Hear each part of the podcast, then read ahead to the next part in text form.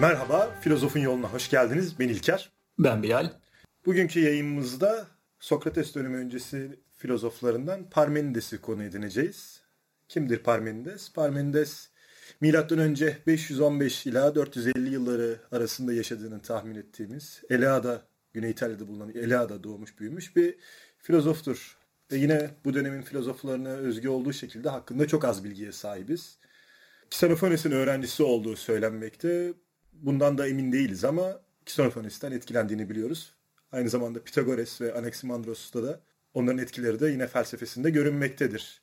Sokrates öncesi dönemin en önemli felsefe okullarından Ela okulunun kurucusudur aynı zamanda Parmenides. Memleketinde kanun koyuculuk yapmış ve halktan da büyük saygı görmüştür. Örnek bir yaşam sürdüğü notlara geçmiştir. Hatta o dönemde Parmenides gibi yaşamak tabirinde Yunanlılar arasında yer ettiğini söyleyebiliyoruz değil mi? Evet. E, kendisi çok saygı görmüştür. Hatta e, Platon diyaloglarında normalde e, sofistlerle hep dalga geçer. Onları küçük duruma, e, gülünç duruma düşürerek kendi tezini e, kanıtlama çabasına girmiştir.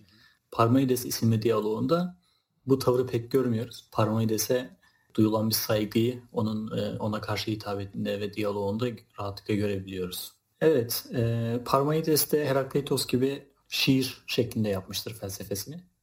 Aynı şekilde bir böyle bir tanrısal vahiy ya da bir tanrısal esinlenme söz konusudur onun şiirlerinde. E o dönemde biraz muteber olmak istiyorsanız sizin de tanrısal bir insan e, olmanız gerekiyor bir yerde. Henüz bilgiye en azından genel bir şekilde halk tarafından değer verildiği bir dönemde değiliz. E, daha sonra zaten Sokrates'te... Ne, ne söylediğinle değil kim olduğunla daha fazla ilgilenilen bir dönemdeyiz. Evet kesinlikle öyle. Daha sonra Sokrates'te üç hayat teorisinde insanların üç şeyle ilgilendiğini söyleyecek. Birisi şan şeref, birisi para, bir de filozofun peşinde koştuğu bilgiden bahsedecek ve filozofu bu entelektüalist bakış açısıyla filozofu değerlendirecek. Filozofun tanımını öyle yapacak. Parmenides kendisinden önceki filozofların aksine varlığın niliğiyle ilgilenmeyecek. Yani varlığın temel maddesi arke. Neydi arke? Her şeyin ondan çıktığı ana madde. Ee, her şeyin neyden meydana geldiğiyle ilgilenmeyecek. Daha çok her şeyin yani varlığın var olup olmadığıyla ilgilenecek. Şimdi biz bir kendi içimizde şöyle bir sorgulama yapalım. Yani ben İlker'e sorayım, İlker de cevaplasın. Ee, böyle İlker'e basit sorularmış gibi soruyorum ama aslında üzerinde çok tartışma götürmüş ee, sorular bunların hepsi. Mesela e, varlık var mıdır sorusu. Varlık, varlık vardır. Hani bizim normal sağduyumuz bize varlığın var olduğunu söylüyor. Yani evet. mekanda yer kaplayan, gözümüzle gördüğümüz şey bir varlıktır. Yani dolayısıyla varlık vardır diyebiliriz bu açıdan baktığımız zaman. Evet. Peki varlığın var olduğunu nasıl ispat edeceğiz? Varlığın bilgisine girecek olursak işte burada işlerin birazcık bulanıklaşmaya başladığını görüyoruz. Varlığın bilgisinden de kesin olarak emin olamayız herhalde. Bu kadar evet. düşünürsek. Evet öyle. Daha önceki programlarımızda da biraz konuşmuştuk bundan. Varlığın ne olduğu ve varlığın var olup olmadığı antik çağda önemli bir tartışmaydı. Çünkü varlığın var olduğu ispat edilecek ve geri kalan felsefede varlık hakkında yapılması gerekecekti. Haliyle bu konunun bir açıklığa kavuşturulması gerekiyor. O yüzden bu ilk çağ filozofların hepsi varlığın var olmadığıyla, varlığın varlığıyla ilgilenmişlerdir. Parmenides de bununla ilgileniyor. Varlık var mıdır diye soruyor ve Herakleitos'un aksine varlık vardır diye yanıt veriyor. Herakleitos ne diyordu? Varlık yoktur, oluş vardır diyordu Herakleitos. Parmenides'in neredeyse bütün felsefesini Herakleitos'un karşısında yer alacak şekilde oluşturmuştur. Şimdi biz varlık, varlığın var olduğu ile ilgili üç tane önerme sunabiliriz en fazla. Bir tanesi varlığın var olduğunu söyleyeceğiz. Bir diğeri varlığın var olmadığını. Bir de varlığın hem var hem de yok olduğunu söyleyebileceğiz. Başka üçüncü, dördüncü bir Başka opsiyon alternatifimiz yok. Varlığın hem var hem yok olması önermesi Herakleitosçu bir önermedir. Varlık yoktur, oluş vardır önermesiydi bu. Parmenides de buna tam e, zıttıyla karşılık verecek ve varlık vardır diyecek. Bu üç önerme aynı zamanda mantığın temel ilkeleri olacaktır. Tabii şunu da belirtmemizde fayda var. Mantık yani o dönemdeki mantık metafizikle, ontolojiyle iç içedir. E, mantığın ilkeleri varlığın ilkeleri anlamına geliyor. Neydi bu ilkeler? Özdeşlik ilkesi, çelişmezlik ilkesi ve üçüncü halin olmazlığı ilkesi. Bunlardan kısaca bahsetmek istiyorum ama dinleyicilerimizin mutlaka bunları felsefe sözlüklerinden bakmaları gerekiyor. Ee, kısa bir izah yok bunların kesinlikle. Özdeşlik ilkesi bir şey neyse odur önemlisidir. Bu neden önemli? Biz bir varlık hakkında konuşuyorsak o varlık hakkında konuştuğumuzun kesin olması gerekiyor. Mesela iki tane metalik 1 lira örneğini verelim. Bunlar ikisi birbirinin tıpatıp aynısıdır değil mi? Birine A parası diyelim, birine B parası diyelim. Bunlar tamamıyla eşit paralardır. Değerleri de aynıdır. Fizik, fiziksel özellikleri de aynıdır ama bunlar birbirlerinin özdeşi değillerdir. Her para kendisine özdeştir. E, bu kadar basit, bu kadar sarih bir şey niye felsefenin konusu olacak bir, diye bir soru da sorabilir tabii insanlar haliyle. Varlık araştırmasına girdiğimiz zaman ta buraya kadar inmemiz gerektiğinden dolayı bu ilkeler belirlenmiş oluyor. Özdeşlik bir şeyin kendisi olmasıdır. Yani bir lira kendisidir. Başka bir lira değildir.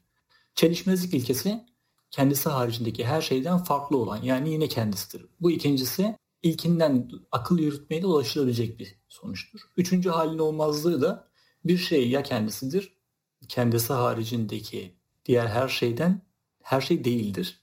Yani üçüncü bir hal olamaz. Bu açık olmadı galiba bir. evet, ben arada, ya. arada girdi yapıp farklıdır diyecektim ama farklı olması başka bir anlam çağrıştırabilir. Biraz açıklaması da zor bir konu hakikaten de. Evet. Yani o yüzden bu e, özdeşlik ilkesi, çelişmezlik ilkesi ve üçüncü halin olmazlığı ilkesine bir felsefe sözlüklerinizde sözlüklerinden bakmanızda fayda var kesinlikle. Her program yani sadece sadece bu üç ilkeyi anlatmak için bile bir program ayarlamamız gerekebilir. Yani o kadar uzun kalı ki ben bunu bir dönem bunu gördüm yani hani derslerimizden biriydi bu bir dönem boyunca bunu gördüm. O yüzden buna şimdilik pek girmiyorum. Ama o dönemdeki mantık önermeleri varlık önermeleriyle bir görülüyordu. Ama e, yani. bu çelişmezlik ilçe, ilkesinde verdiğin o üç halde aslında birbirinin aynısı oluyor bir manada değil mi? Evet hepsi özdeşlik ilkesinden çıkıyor. Dolayısıyla hani e, tanım kafayı kafamızı karıştırabiliyor biraz aslında. Yani aslında evet. ilk söylediği şey çelişmezlik ilkesine girip de söylediği ilk şey diğerlerini doğru yani diğerlerini formülü tersten işlettiğinde aynı yere geliyoruz aslında. Evet aynen öyle haklısın. Varlık var değil derken de Parmenides boşluktan bugün bizim uzay boşluğu yani boşluk dediğimiz şey Parmenides için var olmayan şey anlamına geliyor. Onun için boşluk da yoktur Parmenides için. Bunu da bu da pek e, kavraması kolay değil. Bunun üzerinde de duracağız birazdan. Parmenides var olan bir şeyden bahsederken fiziksel olarak, maddi olarak var olan bir şeyden bahsediyordur. Var olmayan şeyden bahsederken de boşluktan bahsediyor. Bu bütün felsefesini anlatırken, bütün Parmenides programından bahsederken hep bundan bahsedeceğimizi bir aklınızın bir köşesinde tutmanızı rica ediyorum. E, var olan şey mekanı dolduran şeydir. Parmenides var olan şey derken yani fiziksel gerçek varlıktan bahsederken bu bir realist bir tutum sergiliyor bu bütün Yunan filozoflarının ortak özelliğidir aynı zamanda. Bir şey varsa vardır. Yani gözümüzde evet, mekanda olduğu var olan bir şeyden bahsediyorlarken hep maddi, fiziksel olan bir şeyden bahsediyorlardır. Yani soyut düşünce henüz o dönemde yoktur henüz. Yunan, antik Yunan'da. Platon idealarından bahsederken de fiziksel olarak gerçek var olan idealardan bahsediyordur. Akılsal, zihinde olan bir şeyden bahsetmiyor. Burada e, birazcık kavramsal kargaşa yaratıyor aynı zamanda en azından benim telakkiyatımda. Hani idealardan bahsederken hani soyut çağrışımlar yapıyor gibi geliyor ama aslında onları da somut kabul etmemiz gerekiyor öyle mi? Evet doğrudur. Platon ideaları. O idealar evreni diye bir yer var ve idealar evreninde gerçekten idealar fiziksel olarak var. mevcutlar. Ve Parmenides yokluktan yani var olmamaktan bahsederken de uzay boşluğuna bahsediyordu dedik. Parmenides'in buradaki tutumu yani varlığın var olduğu, varlığın kavranması tutumu varlığın düşünce ile kavrandığı düşüncesidir. Yani fikridir. Parmenides'e göre varlık ancak zihinde kavranabilen bir şeydir. Duyular yani bizim bugün görmek, işitmek, dokunmak dediğimiz fiziksel duyularımız bize varlığı doğru olarak vermezler. Parmenides'e göre yanıltıcı olabilir diye mi? Evet bunlar bunlara sanı diyecektir Parmenides. Antik Yunanca doksa ve duyular bize doğru bilgi vermezler. Şöyle bir deyişi de var. Kullanma bakışsız gözü, uğuldayan kulağı, akılla bağla karara, çok kavgalı diliyle. Bu sağduyuya aykırı bir önerme. Biz duyularımızla evreni görüyoruz, algılıyoruz bir şekilde değil mi? Hatta duyularımız olmadan evren hakkında hiçbir şey bilemeyiz diyebiliriz yani. Evet. Ama Parmenides burada duyulara pek güvenilemeyeceğini iddia edecektir.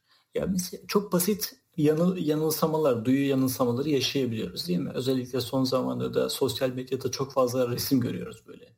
Resim hareketli gibi görünüyor. Renk algılarında sorunlar yaşanıyor. Ee, mesela bir şelale düşünelim. Şelaleye uzun süre baktığımız zaman bir süre sonra taşların yukarıya doğru çıkmaya başladığını falan görecektir insanlar. Ya da bir sopayı denize suya batırdığımız zaman sopa kırıkmış gibi görünecektir bize. Yani duyular bize doğru bilgiyi vermeyecektir her zaman. Her zaman Bu modern felsefenin de problemi olacaktır ve gerçek bilgiyi araştırma konusunda duyulara güvenilemeyeceği ile ilgili teoriler ortaya konacaktır. Bu teorilerin işte ilk ortaya çıkışı yani duyusal veriyle akılsal veriyi ilk olarak ayırt eden filozof Parmenides olarak bizim karşımıza çıkıyor. Parmenides varlığı biz duyularımızla algılamakta kesin bilgiye ulaşamayız. Bize duyularımız kesin bilgiyi vermeyecektir. Varlık ancak akılla kavranabilir diyecektir. Heraklitos ne diyordu? Varlığın sürekli bir değişiminden bahsediyordu değil mi? Sürekli bir değişim vardır, varlığı yoktur, değişim vardır. Eğer biz Heraklitos'un önerisini, önermesine dikkate alacaksak bir an önce olan bir şeyin bir an sonra olamayacağını, şimdi ortaya çıkan bir şeyin daha önce var olmamış olduğunu falan söylemek zorunda kalacağız. Irmak örneğinde olduğu gibi ırmaktan akan bir suya kesin bir varlık biçemiyoruz. Çünkü o sudan sürekli, o ırmaktan sürekli su aktığı için birbirinin de- değişen değişen bir su aktığı için o oluş sürekli olmakta ve tek bir varlık olmasını imkansız kılmaktaydı değil mi? Evet bir varlıktan bahsedemiyor olacağız hala. Yani bir nehirden bile bahsedemiyor olacağız. Bu değişimin her şey üzerinde sürekli olduğunu da varsayarsak hiçbir şey hakkında konuşamayacak duruma geleceğiz. Hatta konuşamayan bir filozof da vardı hatta. Konuşmayı. Evet, Kratidos. Bu durum bizi varlık hakkında hiçbir şey söyleyemez, varlığı bilemez hale getirecek. İşte Parmenides de buna karşı çıkıyor ve bu durumun akılsal olarak imkansız olduğundan bahsedecektir. Çünkü hiçbir şey üzerinde bile düşünemeyeceğiz. Hani sadece konuşmayı, görmeyi, duymayı geçelim herhangi bir şey hakkında düşünmemiz bile mümkün olmayacaktır. Haliyle varlık vardır, varlık oluş değildir, varlık vardır diyecektir. Yoksa yani bir an önce var olduğunu söylediğimiz şey nereye gitmiştir? Bir an önce olmayan şey, var olmayan şey nereden gelmiştir diye bir soru soracağız. Ve zaten bir de antik Yunan'da yoktan var olmanın düşüncesinin var olmadığını söylemiştik diğer programlarımızda da. Hiçbir şey yoktan var olmaz, hiçbir şey yok olmaz. Varlıktan yokluğa gitmez. İşte bu yüzden e, bizi yanıltan duyusal bilgileri, gözlemi reddedeceğiz ve varlığı akılsal, mantıksal bir yöntemle anlamaya, kavramaya çalışacağız. Onu bir a priori yani önceden verili bizde var olan bir akıl yürütme sistemi içerisinde alacağız. E, a priori nedir? a priori önceden var olan, bizde önceden var olan şeylere biz a priori diyoruz. Mesela gözlemimizden, bilgimizden bağımsız bir şekilde var olan anlamında mı? Onu, o bilgiyi biz yaratmadığımız şeyler diyoruz. Mesela insan beyninin fonksiyonları a priori'dir. Yani insan bu verili şeyle dünyaya geliyor. Biz bilmesek de keşfetmesek de o vardır. Ya da bizim bilmemiz, bizim ona bir şey kazandırmamız e, durumu değiştirmiyor. Mesela matematiksel problemler de a priori'dir. Yani toplama işlemi a priori'dir. Bizden önce de vardı. Bizim bilgimizden önce de vardı. Dinleyicilerimizden bu a priori ve a posteriori yani e, a priori'nin tam zıttı olan bizim bilmelerimiz sayesinde ortaya çıkan bu bilgiye de dinleyicilerimizin bir yeni sözlükten bakmalarını tavsiye ediyorum. E, yoksa anlamak zor olabilir. Peki varlığın özellikleri nedir? Hani varlık varlık diyoruz ama varlık nedir? Varlığın özellikleri nedir? bu Parmenides'e kulak verelim biz. Varlık Parmenides için bir, ezeli ebedi, bölünemez, değişemez ve sürekli olmak zorundadır. Ezeli ebedi, bölünemez, değişemez ve sürekli olmak zorundadır. Evet. Sürekliliğini, değişemezliğini ve ezeli ve ebedi olmasını anlıyoruz ama bölünemez derken neden bahsediyor tam olarak burada? Her birisini teker teker bir inceleyelim. En, en baştan başlayalım ve varlığın önce birliğinden bahsedelim istersen. Var olan şeyden, var olandan farklı olan şey nedir İlker? Var olmayan. Var olmayandır değil mi? Evet. Var olmayanın var olmadığını da biliyoruz biz değil mi? Evet. O halde sadece var olan vardır. Var olan birdir ve tektir. Akıl yürütmeyle biz varlığı az önce ispatlamış olduk. Hani diyordum ya varlığın ispatı da gerekiyordu. Dikkat ederseniz burada yoklukta demiyoruz, var olmayan diyoruz. Çünkü yokluk derken de bir şeye varlık varlık etmiş oluyoruz. Varlık evet. oluyoruz ona. Evet. O yüzden var olmayan diyoruz. Yok olan de, demeyeceğiz yani. Var olan Hayır. var olmayan. Evet aynen öyle. Yokluk da çünkü bir varlık şeklidir. Parmenides'i dinleyelim. Şimdi kendi kendisinden dinleyelim biraz ne demek istediğini burada. Varlık hiçbir zaman var olmamıştır ve hiçbir zaman varlığa gelmeyecektir. Eğer o hiçten varlığa gelirse onu daha önce değil de daha geç varlığa gelmeye hangi zorunluluk mecbur etmiş olabilir? O halde onun ya tamamen var olması veya tamamen var olmaması gerekiyor. Değil mi? Bu yaratılış düşüncesini savunan insanların da zaten karşılarındaki en büyük engel budur herhalde. Ee, özellikle İslam felsefesinde de göreceğiz. Zamanın da ilk anatomellerden biri olduğunu göreceğiz. Eğer varlık zamana tabi ise yani zamanın bir anında varlık var olmuşsa niye daha önce var olmadı? Ya da Tanrı onu yaratmışsa niye daha önce yaratmadı? Gibi bir soru soruluyor yaratılış teorisini savunanlara, insanlara. Parmenides de haklı olarak böyle düşünüyor. Yani varlık var olmama durumundan var olma durumuna gelmişse eğer neden daha önce böyle bir şey olmuştur veya nasıl mümkün olmuştur? Var olmayan bir şeyden nasıl var olan bir şeyi ortaya çıkaracaksın? Çünkü elinde malzeme yok. Yani hiçten var olmama durumundan varlığı meydana getirmek mümkün değildir diyecektir. Ezeli olması gerekiyor. Evet maddenin ezeli olması gerekiyor.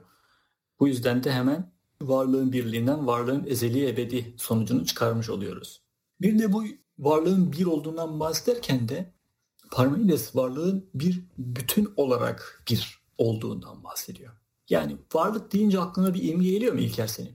Gözümde bir şey canlanmıyor açıkçası. Değil mi? Yani varlık deyince var. Var olan bir şeyi kavrayabiliyorum ama varlığı tanımını gözümde zihnimde canlandıramıyorum. Varlık en büyük tümeldir. Yani Tanrı'yı da kapsayan, her şeyi kapsayan bir tümeldir. Yani tümel tanımını daha önce yapmıştık yanlış hatırlamıyorsam. Tümel demek ki kapsadığı yani neyin hangi tümelden bahsediyorsak mesela kedi bir tümel kavramdır. Kedi dediğimiz zaman kedi olan her şeyi kapsayan bir kelimeden bahsediyoruz. Bir kavramdan bahsediyoruz. Bir kedi dediğimiz zaman belirli bir kediden yani tikel bir kediden bahsediyoruz.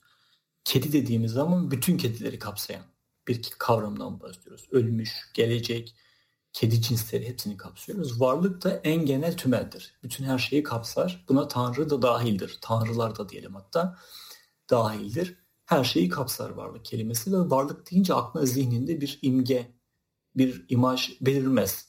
Ama yine de bir şeyden bahsettiğimiz sonucuna varıyoruz. Yani yine de bir şeyden bahsedildiğini kavrayabiliyorsun. İşte varlığın bir olması hususu budur.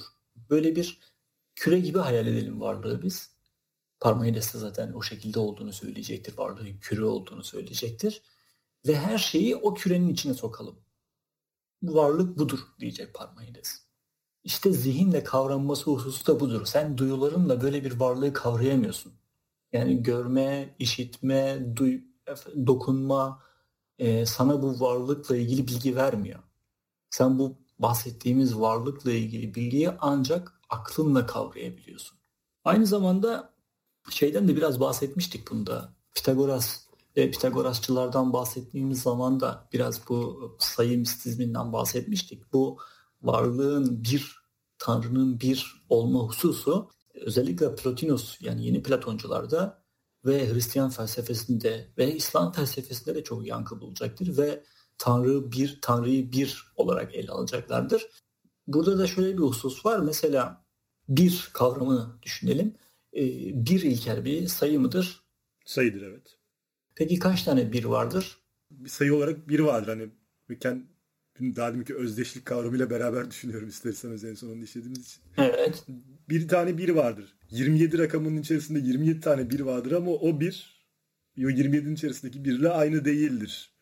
Şimdi bir tane bir var değil mi? Yani her yere aynı biri yazıyoruz. Biz, bizim her yere yazdığımız yer bir birin simgeleridir. Ama esasen hep aynı birden bahsediyor. Yani zihnimizdeki bir bir rakamından bahsediyoruz. Evet. Ee, ve aslında bir sayı da değildir. Antik Yunan'da. Pitagorasçılara göre bir sayı da değildir. Ama bütün sayılar birden türer. 1'e 1 ekleyince 2 çıkar. 2'ye 1 ekleyince 3 çıkar. 3'e 1 ekleyince 4 çıkar. 1, 2, 3, 4'ün toplamından 10 mükemmel sayı elde edilir. Pitagorasçılara göre. E, sonsuzdan kaç tane vardır? Bir tane sonsuz bir. vardır. Evet. Tanrı'dan kaç tane vardır? Bir tane. Bir Varlıktan kaç tane vardır? Bir. bir ortak paydadır ya her şeyde matematikte de. Her şeyden bir tane vardır. Dolayısıyla her şey birdir. Sonucuna varıyor bizim Pitagorasçılarımız. Pitagorasçılar da böyle. Parmaides'te tabii aynı formül uygulanmıyor. Birebir tamamıyla aynı şekilde uygulanmıyor. Parmenides için de varlık deyince o bir varlık, tek varlıktan bahsediliyor ve bu varlık da akılla kavranan varlıktır. Şimdi diğer ezeli ebedi dedik varlık süreklidir zamanda. Yani çünkü yoktan var olma durumunu az önce olmadığını ispat etmişti Parmenides bize. Yokluktan bir şey varlığa gelemeyeceği için ve varlıktan da bir şey yokluğa gidemeyeceği için, var olmama durumuna gidemeyeceği için varlık ezeli ve ebedidir. Yani süreklidir zamanda ama varlık bölünmez, değişmez.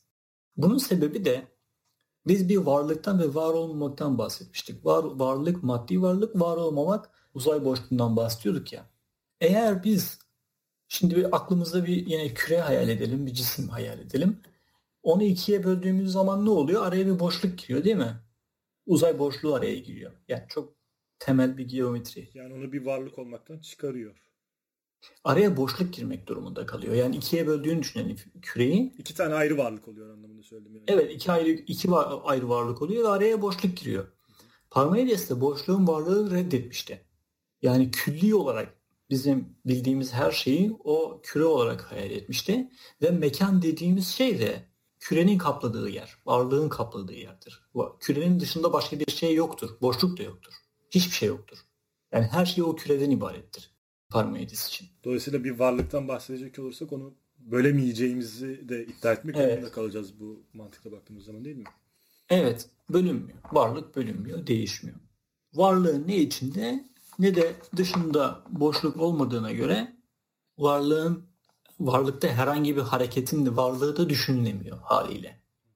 Çünkü hareketin olması için de boşluğun olması gerekiyor. Ama biz boşluğu reddetmiştik. Haliyle ne içte ne de dışta bir varlık hareket söz konusudur. Yani varlık hareketsizdir Parmenides'e göre.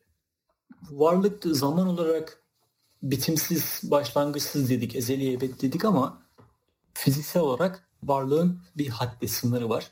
Sonsuz değildir varlık, sınırlıdır yani kütlesel olarak, maddi olarak bir sınırı vardır. Çünkü sonsuzluk iyi bir şey değildir o dönemde. Bir belirsizlik içeriyor çünkü değil mi? Evet, biz bilmediğimiz şeylere sonsuz deriz. Uzay bugün sonsuzdur derken onun büyüklüğü karşısında hayrete düştüğümüzden dolayı değil yani. Tabii büyüklüğü karşısında hayrete düşüyoruz elbette. Beni kesmedi bu falan. Gel 13,5 milyar ışık yılı e, azmış falan demiyoruz da. E, tam olarak biz onun mesafelerini uzayın büyüklüğü hakkında bir fikir sahibi olmadığımız için sonsuz diyoruz. Onu, bunu kavramakta, kavramakta zorluk çektiğimiz için sonsuz diyoruz. Ya da sonsuz sayı dizinleri dememizin sebebi de odur yani. Uzam bakımından Gerçekten. Evet ama Parmenides'in varlığı sonsuz değildir. Çünkü sonsuzluk kötü bir şeydir. Tamamlanmamış bir şeydir. Bu da ilginç burada aslında hani tüm bu dinlerle, masallarla ilgili e, düşünecek olursak mesela masallarda da son, sonsuza kadar mutlu yaşadılar. Ya da birisine seni sonsuza kadar seveceğim. Veyahut da dinlerin insanlara sonsuz bir mükafat veyahut da sonsuz bir azap vaat etmesi gibi. Ee, yani günümüzde anladığımız anlamından çok daha farklı telakki ediliyor o zaman doğru mudur? Evet. E, özellikle Pitagorasçılar da böyle. Onlar için sonsuz kötüdür. Yani bir şeyin bir şeye tamamlanmamış demektir sonsuz olmak. Tamamlanmamış bir şey de eksiktir. Eksik olan bir şey de kötüdür. Sen, seni, sonsuz, seni sonsuza kadar seveceğim ne demek yani? Beni eksik mi seviyorsun? yani bunu söyleyen birine hiç hoş gözle bakmamak lazım. Peki burada şunu sormak istiyorum ben. Varlığın sürekli olduğundan ve olması gerektiğinden bahsettik. Yani varlığın ezeli ebedi, değişemez ve sürekli olmasından bahsederken buradaki süre, bahsedilen süreklilikle burada uzam bakımından e, sınırlı olması bir kafa karışıklığı yaratıyor sanki.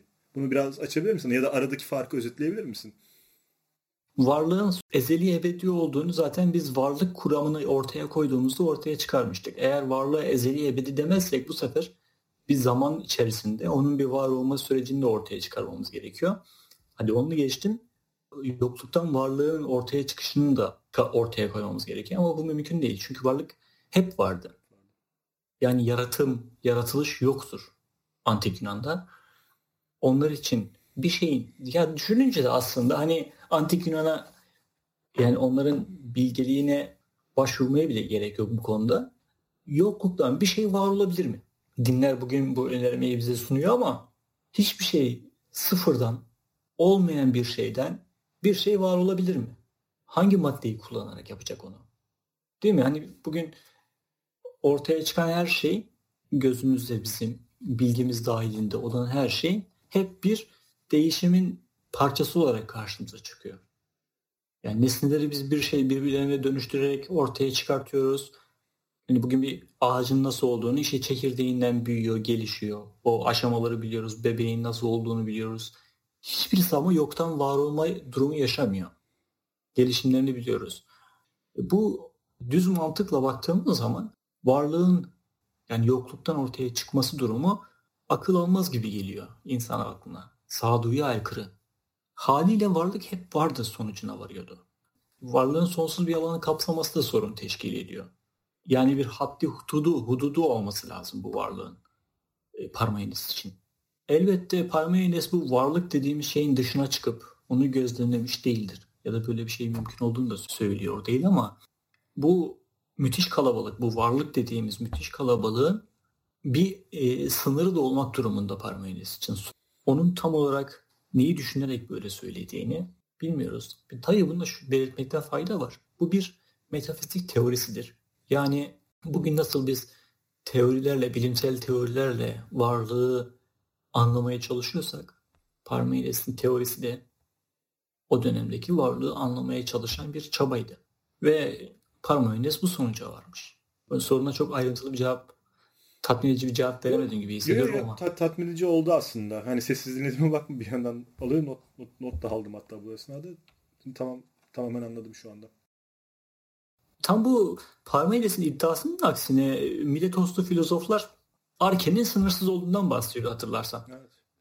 Onlar için sonsuz sınır sınırsızdı. Zaten ee, Parmenides'le birlikte bu e, monist dönem diyebileceğimiz her şey bir arke biçme döneminde sonuna geliyoruz aynı zamanda değil mi? Parmenides'ten sonra da devam ediyor bir süre. Ama Parmenides arke ile ilgilenmeyen ilk filozof olarak karşımıza çıkıyor bizim. Her şeye bir e, ezeli bir başlangıç maddesi karşımıza çıkarmıyor. Evet Parmenides bununla ilgilenmiyor. E, daha sonra Empedokles de çok uzun yıllar yani neredeyse 18. yüzyıla kadar sürecek teorisini ortaya atacak Empedokles. E, bu araştırma devam edecek. Günümüzde de aslında bu araştırma devam ediyor yani. Değil mi? Yani. Günümüz fizik teorilerinde hala bu araştırma devam ediyor. İlk madde nasıl ortaya çıktı? Yine Parmenides için e, ne demiştik? Varlık onun için bir küreydi. Parmenides için küre şekliydi. Çünkü küre antik Yunan kafasına göre mükemmel bir şey, şekildir. Neden böyledir peki? Neden mükemmeldir küre şekli? O yuvarlak bir küre kütlesi gibi her yönde tamdır. Kürenin merkezinde çevresindeki her noktaya mesafe aynıdır. Yani bir tanrı düşünelim. Bu tanrı merkezde olursa her yere uzanabilecektir. Ama diğer şekillerde bu mümkün değildir. Ben Parmenides'in açıklaması böyle. Tabii o tanrıdan bahsetmiyor da az önce onun, okudu, onun sözlerinden okudum. O yuvarlak bir küre kütlesi gibi her yönde tamdır. Eksiği yoktur. Çevreden her merkeze olan uzunluğu eşittir. Yani evet aynı zamanda nereden bakarsan bak hep aynıdır. Mükemmel bir küreden bahsediyorsan hangi hangi ucundan hangi köşesinden köşesi de yoktur zaten de. Neresinden bakarsan bak mükemmel bir şekil olarak karşına çıkacak her seferinde. Parmenides için. E, tabii Parmenides için varlık tinsel de değildir. Bunu da söylememiz gerekiyor. Çünkü hem Platon'a gelinceye kadar tinsel bir varlıktan bahsetmiyor olacağız hem de yuvarlak bir şekilden bahsettiğimize göre onun bir maddi olarak da var olduğu sonucuna varıyoruz zaten. Yuvarlak, yani tinsel bir şey şekilli değildir. Şekilli olamaz. Fizikseldir. Burada akılla kavranan varlık ve duyularla kavranan varlık ayrımını yapmıştık ilk başta. Bunun üzerine biraz daha duralım. Parmenides için hakikat iki şekilde kavranır. Birisi hakikat bakımından varlık, biri de sanılar bakımından varlıktır. Varlığın kesin olarak hakikat bakımından açıklaması bir de sanılar bakımından açıklaması var. Hakikat bakımından olan açıklama varlığın akılla kavranarak açıklanmasıdır. Burada biraz Aristoteles'e de bakmamız gerekiyor. Ee, Aristoteles'in metafizik ayrımına geldiğimiz zaman o dünyayı ikiye ayıracak. Birisi diyecek ki e, duyularla algılanan dünyaya fizik diyecek. Akılla algılanan varlığın incelemesine de metafizik diyecek. Ve bu tanım, bu ayrım günümüze kadar devam edecek. Evet, Özellikle Aristoteles'i incelediğimiz zaman insanlar hayret edecekler e, dinleyicilerimiz. Çünkü bugün bilinen bilimlerin %90'ının kurucusu Aristoteles'in kendisi bizatihi. CV'si en kabarık insan. yani bütün bilimlerin kurucusu ve o onun yaptığı tanımlar çok uzun yıllar devam etmiş. E, yaptığı doğru şeyler olduğu gibi yanlış şeyler de uzun yıllar devam etmiş. Yani modern modern bilimin gelişmesini de engelleyen kişi yine Aristoteles olarak karşımıza çıkıyor bizim. Ee, Düşünsel dünyanın uzun çok uzun bir zaman sahibi olmuş resmen değil mi? Tabii canım yani hala hala saygı gören, hala saygı duyulan bir insan. Yani e, zaten İslam dünyasında da Aristoteles için e, muallimül evvel, ilk öğretmen denir. Biz hakikat bakımından, sanımlar bakımından varlığa geri dönelim. Hakikat bakımından olan varlık, akılla kavranan varlık, sanımlar bakımından olan varlık da duyular ile algılanan varlıktır. Akıl bakımından incelendiğinde varlığın tek olduğu sonucuna varılıyor.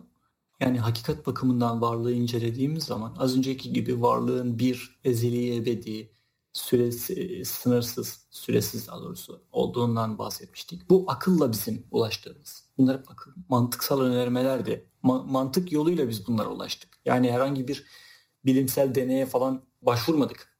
Az önce biz de bu soruşturmayı yaptık beraber. Akılla kavranan bir varlık anlayıştır bu. Ama duyular bize böyle bir böyle şeyler söylemiyor. Yani sağduyu bize varlığın ne bir olduğunu söylüyor, ne ezeli ebedi olduğunu söylüyor, ne de hareketin olmadığını söylüyor. Yani hareketin olmadığını söylemek sağduyuya ne kadar uygun bir şey olabilir ki? Düşünsene ben hareket etmiyorum aslında falan. Hareket yani, etmedi, konuşmayı da bir hareket sayarsak hani dudaklarımızın hareketi falan bunu söyleyememem bile gerekiyor.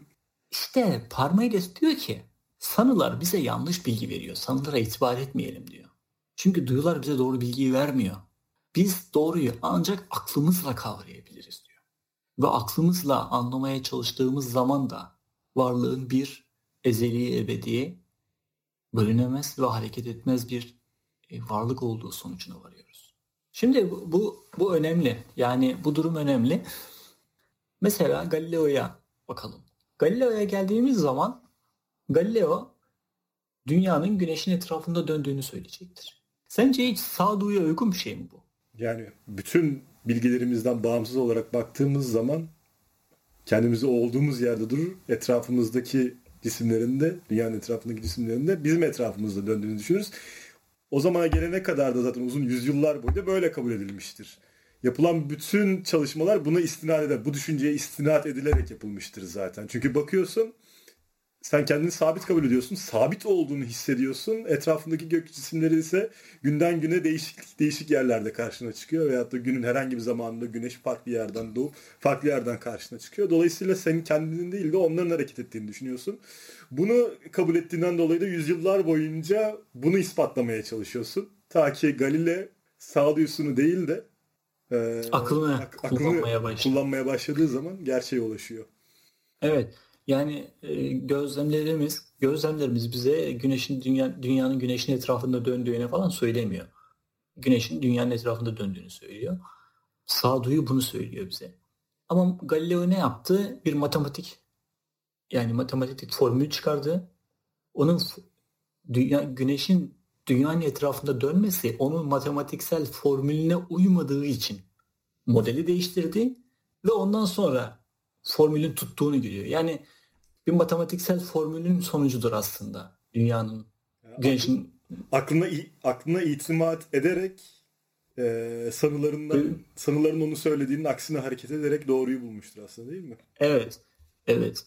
Tabii buna karşı çıkılmasının sebebi onun bu duyulara ya da akıllı olan bilginin kaynağı değil daha çok dinsel kaynaklı durumlardan dolayı. Çünkü dinler yani kutsal kitapların hepsi tamamen sağduyuya uygun. Ki o, da, o, dönem, o dönemde bütün astronomik çalışmalar zaten kilise eliyle de yürütülüyor o dönemde. Yani. Evet bizatihi onlar. Onların şeyleri var. Konsüller var. O konsüllerin onayıyla kitap basılıyor. Zaten çok az kitap basabilen insanlar var. Bir de o dönemde kitap basabilmek için hani basın faaliyetleri henüz daha yeni birkaç yüzyıllık bir olay. E, basmak zor ve basılmaya değer şeyler olması gerekiyor ve bunların da çok sıkı denetlemeleri var. Konsüller haricinde. Konsüller belirli, tarafından. Belirli zamanında e, sağduyusuna aykırı hareket ederek aklına itimat ederek doğruyu bulduğu gibi hani normalde ona sağduyusunu da bunu kendi içinde tutmamız tutmasını etrafa söylememesini işaret edecek. Evet. Başına bir şey gelmesin diye fakat yine sağduyusunu dinlemeyerek bu gerçeği bize ulaştırabildi. Evet. Daha sonra mesela Kopernikus onun e, teorisini ispatlayacak ama söyleyemeyecek, açıklayamayacak. Öldükten sonra kitabının basılmasına izin verecek ancak. İşte bu akıl ve sanı ile arasındaki farkı bir en iyi örneklerden biridir yani bu Galileo'nun örneği. Biz e, sağduyuyla her şeyi düzgün kavrayamıyoruz. Yani akılla bazı şeyleri kavrayabiliyoruz.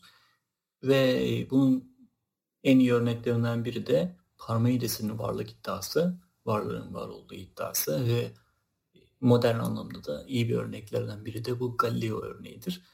E, bu ayrım işte ilk defa Parmenides'te bizim karşımıza çıkıyor ve idealizmin ilk temellerini de Parmenides'te görmeye başlıyoruz. E, Parmenides'le birlikte Yunan dünyasındaki bu e, monist varlığın tek bir cinsten olduğu e, düşüncesi bitecek ve e, pluralist, çoğulcu materyalizm dönemi başlayacak. Bu dönemde de bizim karşımıza Empedokles, Anaxagoras ve Demokritos çıkacak. Parmenides'ten sonra gelecek filozoflar da hem varlığı hem de çokluğu kabul edecekler bu üç filozof. Ve e, onun önermelerini de onun bu felsefede açtığı yeni çığırın üzerine de bir şeyler katacaklar. Parmenides'i doğrulayan bir diğer filozof da Zenon önermeleriyle, Zenon paradokslarıyla bizim karşımıza çıkacak. Normalde onu da bu programda yapmak istiyorduk ama bu ziyadesiyle uzun bir program oldu. E, Zenon paradokslarından da uzunca bir ara, uzunca bir, bir sonraki programımızda bahsederiz. Var mı sorun İlker? Ben sorumu sormadan önce şöyle bir toparlayayım istersen. Ne, ne öğrendik Aynen. bugün? Parmenides'le beraber bugün varlığın var olduğu önermesini temellendirmeye çalıştık. Ee, varlığın düşünceyle özdeş kılınmadığını, var olan şeyler hakkında ancak düşünebildiğimizi öğrendik. Var olanın mekanı dolduran şey olduğunu, duyuların yanıltıcı olabileceğini ve bunu ve varlığı ancak ve ancak akılla kavramamız gerektiğini öğrendik. Varlığın bölünemez, değişemez ve sürekli olduğunu öğrendik aynı zamanda. Ee, varlığın yalnızca var olabileceğini ya da var olmayabileceğini de aynı zamanda düşünerek de pratik ettik. Çünkü var bir şeye var olmanın zıttı olarak yok olmak dersek yine ona da bir varlık yok olmaya da bir varlık atfedeceğimiz için bir şey ya vardır ya da var olmamaktadır. Demeyi öğrenmiş olduk. Her ne kadar sürekli desek de varlığın uzam bakımından sınırlı olduğunu, sonsuz olmadığını, sonsuz olursa eksik ve kusurlu olabileceğini, e, çünkü bir bilinmezlik içe, içereceğini bu durumda yine öğrenmiş olduk Parmenides'ten. Yani sonsuz olan sonsuz olan bir şeyin hiçbir zaman tam olmayacağını öğrenmiş olduk. Yine Parmenides'le birlikte monist dönemin bitip pluralist ve materyalist dönemin başlangıcını teşkil eden zaman aralığında başlamış olduğunu öğrendik. Özdeşlik kavramına yine girdik burada. Hani bir şeyin neyse o olacağını, bir şeyin kendisinden başka hiçbir şey olmayacağını, benzerliğin en üst noktaya ulaştığı ve eşit ve aynı dediğimiz bir noktada bile ona özdeş dem demeyeceğimizi iki madeni paradan senin verdiğin örnekle iki madeni paradan bahsediyorsak iki birbirinin tamamen aynısı olan bir liranın bir tanesinin ayrı bir varlık diğerinin ise başka bir varlık olduğunu bunların birbiriyle özdeş olmadığını yine e, açıklamış olduk. Burada benim bir sorum olacaktı. Konunun başlarında bahsederken hani varlığın akılla kavranması gerektiğini bahsettik. Bahsettik ya. Evet. Ee, burada hatta yine Parmenides'in düşüncesine göre düşünülmesi mümkün olan şey var olması mümkün olan şeydir.